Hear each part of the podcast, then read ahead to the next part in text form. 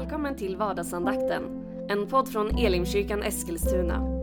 Vill du veta mer om vilka vi är, vad vi tror på och hur du kan komma i kontakt med oss? Gå då in på www.elimkyrkan.com. Nu lyssnar vi till dagens andakt. Välkommen till vardagsandakten. Jag heter Joel Backman, jag är pastor i Elimkyrkan Eskilstuna. Och vi vill ju gärna få bjuda in dig till höstglödskonferensen Eh, i Elimkyrkan i Eskilstuna den 27-29 oktober. Och jag vill tipsa lite extra den här morgonen om fredagen den 27 oktober. Då kommer det att finnas tillgängligt en kurs som man kan anmäla sig till. Som börjar klockan 10 och pågår fram till 4 på eftermiddagen. Med lunchpaus och fikapaus. Det är Rick Hayes från Skottland som kommer undervisa i kursen Art of Hearing God. Alltså konsten att höra Gud. Väldigt spännande. Han har många års erfarenhet och att få gå en sån kurs och lära sig. Kan jag höra Gud tala? Hur funkar det? Se till att inte missa den kursen. Det är även tillfälle för workshop. Man kan få testa och pröva och sådär. Men nu till dagens andakt. Psalm 34 är en psalm vi har hållit på med länge och kommer hålla på med ett tag till. Men varje dag är egen. Som du inte har hört det andra så gör det inget. Varje dag blir en unik tanke. Men den här psalmen är skriven utifrån Davids livssituation. Han hade fått rymma för att han var i konflikt med en man som heter Saul. Och när han rymmer så hamnar han också då i en svår situation där han tas inför en kung som heter Abimelech. Och de listar nästan ut att det här är kung David. Om de hade gjort det så hade det kunnat bli ganska allvarliga konsekvenser både för honom och för Israel. Men han lyckas ta sig ur detta genom att han ber till Gud och Gud ger honom vishet. Och visheten är underlig men den handlar om att han ska spela galen. Och när han gör det så tar han sig därifrån. Nu har vi kommit fram en bit i den här salmen. Och den här salmen handlar ju om att nu liksom tacka Gud för att Gud ledde honom igenom detta. För att minnas och komma ihåg att han var i den här svåra sitsen. Men också att Gud hjälpte honom igenom. Och nu har vi kommit fram till vers 12. Kort vers, men den säger så här. Kom barn, lyssna till mig. Jag ska lära er att vörda Herren. Vörda, då, som vi talade om för någon dag sedan, att frukta, att respektera, att lyssna till. Inte främst att vara rädd för, men att hysa en stor djup respekt för Gud, för Herren. Men vem talar han till här? Jo, här talar David till barnen. Kom, barn, lyssna till mig. Jag ska lära er hur man fruktar Herren. Det här tycker jag är oerhört viktigt. David skriver hela den här salmen ju för att komma ihåg och för att dela med sig till andra människor om vad Gud har gjort för honom. Men just i den här sekvensen så vänder han sig till barnen. Och Jag tycker också om att det är personligt. Kom barn, lyssna till mig. David på ett sätt inleder en dialog här med den yngre generationen. Han vill att barnen ska förstå det han har varit med om för att han vet att om barnen får förstå vad Gud har gjort för mig och de får höra om de här berättelserna då kommer det skapa en vördnad hos dem för Herren. Om jag som kung berättar om hur Gud ledde mig genom den ena svårigheten efter den andra och ur den här mycket märkliga situationen så hjälpte han mig, han räddade mig. Så skapar det en respekt hos dem för Gud och leder dem in på rätt väg. Det är väldigt viktigt att du och jag har den här dialogen med den yngre generationen. Du som lyssnar på det här, du kanske har barn själv. Eller så har du inte barn. Men även om du inte har egna barn så är det så att du och jag kan ändå ha en kommunikation, en dialog med den yngre generationen. Det finns säkert barn eller unga människor i din närhet. Antingen i din kyrka som du är med i eller i släkten, bland vänner och bekanta. Det finns säkert unga människor som du kan få berätta för om vad Gud har gjort i ditt liv. Och det är viktigt. Därför när du och jag berättar vad Gud har gjort i ditt liv och i mitt liv för den yngre generationen. Det är då de lär sig att ha respekt och vördnad och sätta sin tillit till Gud. Det här var något som Gud var väldigt noga med i Gamla Testamentet framför allt. Även i Nya ser vi det, men i Gamla så ser vi ofta att Gud utmanar det judiska folket att se till att traditionerna och, Och det här går vidare till nästa generation. Det handlar väldigt mycket om att förmedla budskapet vidare. To pay it forward på något sätt. Så här står det i femte Moseboks fjärde kapitel och den nionde versen. Då står det så här. Men ta dig tillvara och akta dig noga så att du inte glömmer vad dina ögon såg eller låter det vika från ditt hjärta under alla dina livsdagar. Berätta för dina barn och barnbarn vad som hände den dag du stod inför Herren din Gud vid Horeb.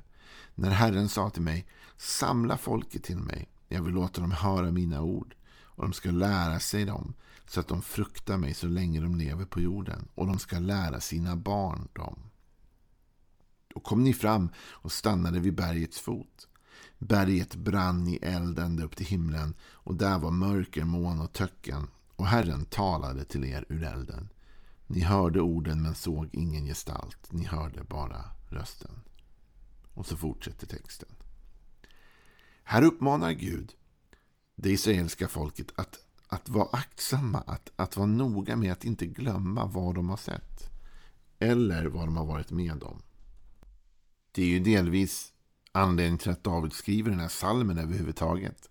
Att inte glömma bort, att komma ihåg och att förmedla vidare vad man har sett och vad man har hört. Och det här är en utmaning för dig och mig med. Att inte glömma allt det där goda Gud har gjort för dig och mig. Alla gånger vi bad och han svarade på vår bön. Alla gånger han hjälpte oss genom en svår situation. Att vi kommer ihåg och att vi minns. Men det är det ena Gud säger till Israels folk. Ni får inte glömma, ni får vara noggranna med det så ni inte tappar bort detta. Men det är inte allt han säger, utan sen säger han Berätta för dina barn och barnbarn. Och nu vill jag att du ska tänka så här. Det här är inte bara Guds tilltal till en enskild person. Det här är Guds tilltal till Israels folk. Och det innebär att kanske inte alla israeliter där fick barn själva. Men som folk skulle de berätta för sina barn och för sina barnbarn. Som grupp liksom. Skulle de dela det här vidare, vad Gud hade gjort för dem. Skulle de ta från sin generation till nästa generation. Vi är ibland så fast vid att de äldre ska uppfostra barnen i meningen lära dem det och det och det här är gränserna, det här är rätt. Men här uppmanas de att berätta vad de har sett och hört. Det här är inte bara se åt barnen att leva rätt och riktigt ditten datten. Utan här är det faktiskt berätta för barnen vad Gud gjorde för er. Dela med dem vad ni såg, vad ni hörde och hur han hjälpte er. Du och jag måste dela med oss av våra erfarenheter till barnen. Dela med oss om vad Gud har gjort för dig och för mig. Det här är upprepat i Bibeln. Ett annat tillfälle då Gud är väldigt noga med att de delar med sig och berättar vidare. Det hittar man när Israels folk ska gå genom havet. De går ju igenom två gånger. En gång när Mose för dem ut ur Egypten så delas havet. Men en gång så leder också Josua dem över havet, eller över vattnet. Och när Josua leder folket över vattnet, då läser vi följande ifrån Josua, det fjärde kapitlet och vers 4. Då kallade Josua till sig de tolv män som han hade utsett bland Israels barn, en man från varje stam. Och Josua sa till dem, gå framför Herren, er Guds ark, gå ut mitt i Jordan. Var och en av er ska lyfta upp en sten på axeln efter antalet av Israels stammar. Så att detta blir ett minnesmärke bland er. När era barn i framtiden frågar vad betyder dessa stenar? Ska ni svara dem det betyder att Jordans vatten här skars av i sitt lopp framför Herrens förbundsark. När den fördes över Jordan skars Jordans vatten av. Så ska dessa stenar vara ett minnesmärke för Israels barn till evig tid.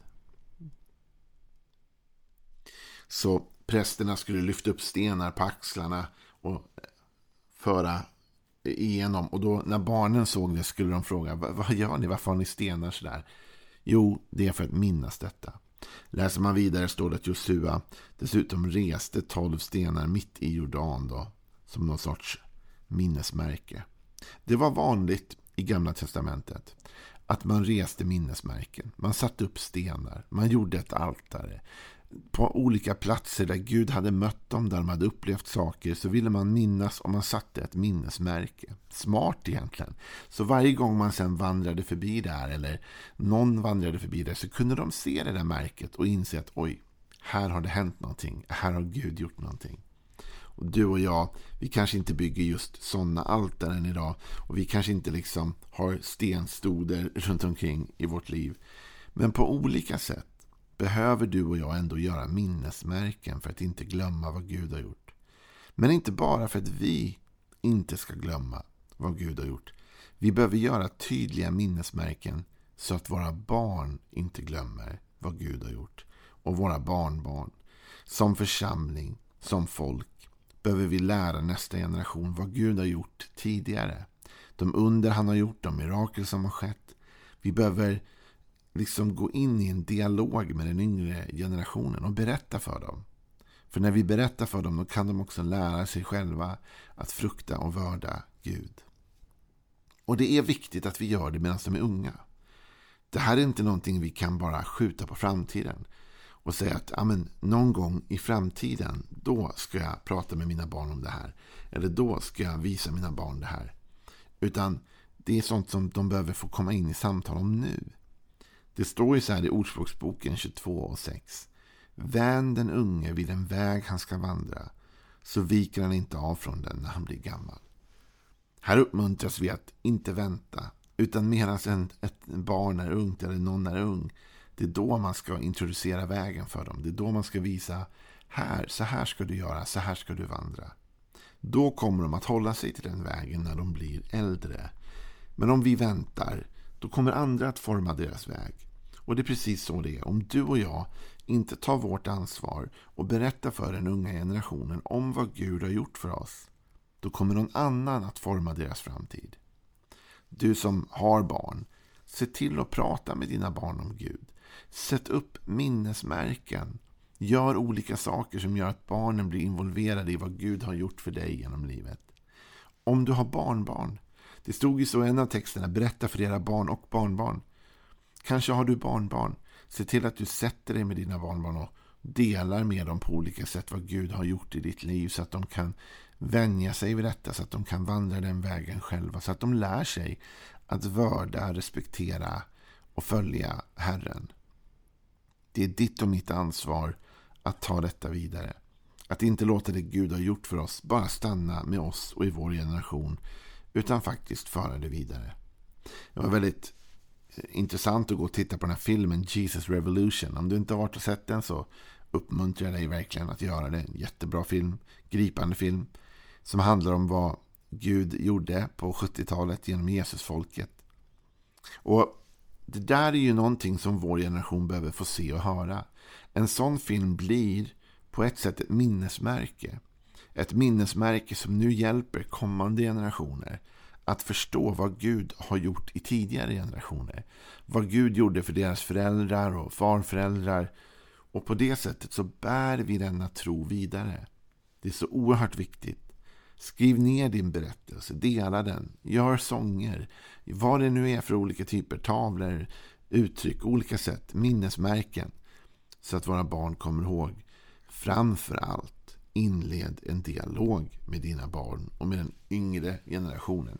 Oavsett om det är dina barn eller om det är barn i församlingen eller vilka det är. Men se till att samtala med dem. Så här sa David i psalm 34. Kom barn, lyssna till mig så ska jag lära er att vörda Herren. Ta med dig den uppmaningen idag. Se till att du delar med dig av det Gud har gjort. Det ska jag försöka göra efter min bästa förmåga. Sprida till nästa generation Guds goda handlande i mitt liv. Gör det du med. Imorgon är vi tillbaka med mer vardagsandakten igen. Och som sagt hoppas vi ses i Eskilstuna den 27-29 oktober. Hej då. Du har nu lyssnat till vardagsandakten från Elimkyrkan Eskilstuna. Du har väl inte missat att vi finns på sociala medier? Eller att vi varje söndag firar gudstjänst? Hoppas att vi ses där.